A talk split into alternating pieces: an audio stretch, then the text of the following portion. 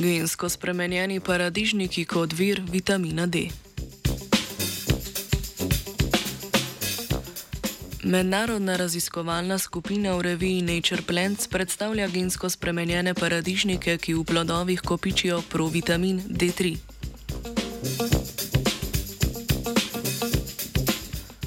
Vitamin D je ime za skupino sorodnih maščobno-topnih steroidov, ki imajo v telesu različne biološke funkcije.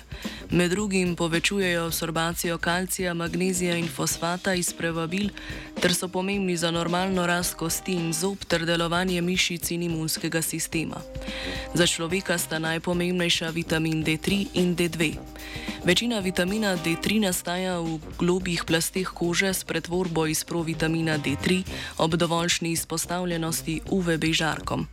Vitamina D3 in D2 pa vnašamo v telo tudi s hrano, predvsem živili živalskega izvora. Ocenjuje se, da ima približno milijarda ljudi pomankanje vitamina D, ker niso dovolj izpostavljeni sončnim žarkom oziroma ker uživajo hrano, v kateri ni dovolj vitamina D. Thank you.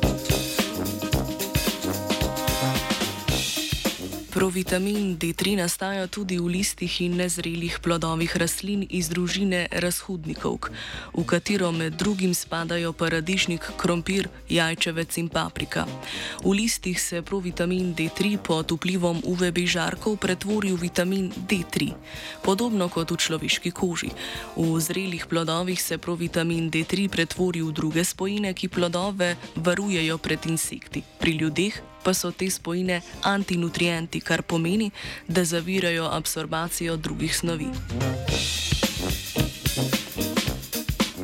Znanstveniki in znanstvenice so s pomočjo sistema CRISPR-Cas9 iz paradižnika odstranili gen, ki zapisuje enega od encimov, ki pretvarjajo provitamin D3 v druge snovi.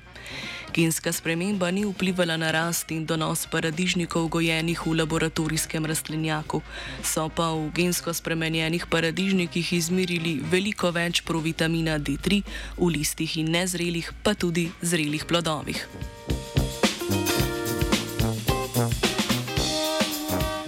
Raziskovalke in raziskovalci so na to liste in nenarezane plodove gensko spremenjenih paradižnikov eno uro osvetljevali z UVB žarki. Ugotovili so, da je osvetljevanje zelo uspešno pretvorilo provitamin D3 v vitamin D3. V enem srednjem velikem gensko spremenjenem plodu paradižnika so po osvetljevanju izmerili tolikšno količino vitamina D3, da bi zadostil 20 odstotkom dnevnega priporočenega vnosa tega vitamina.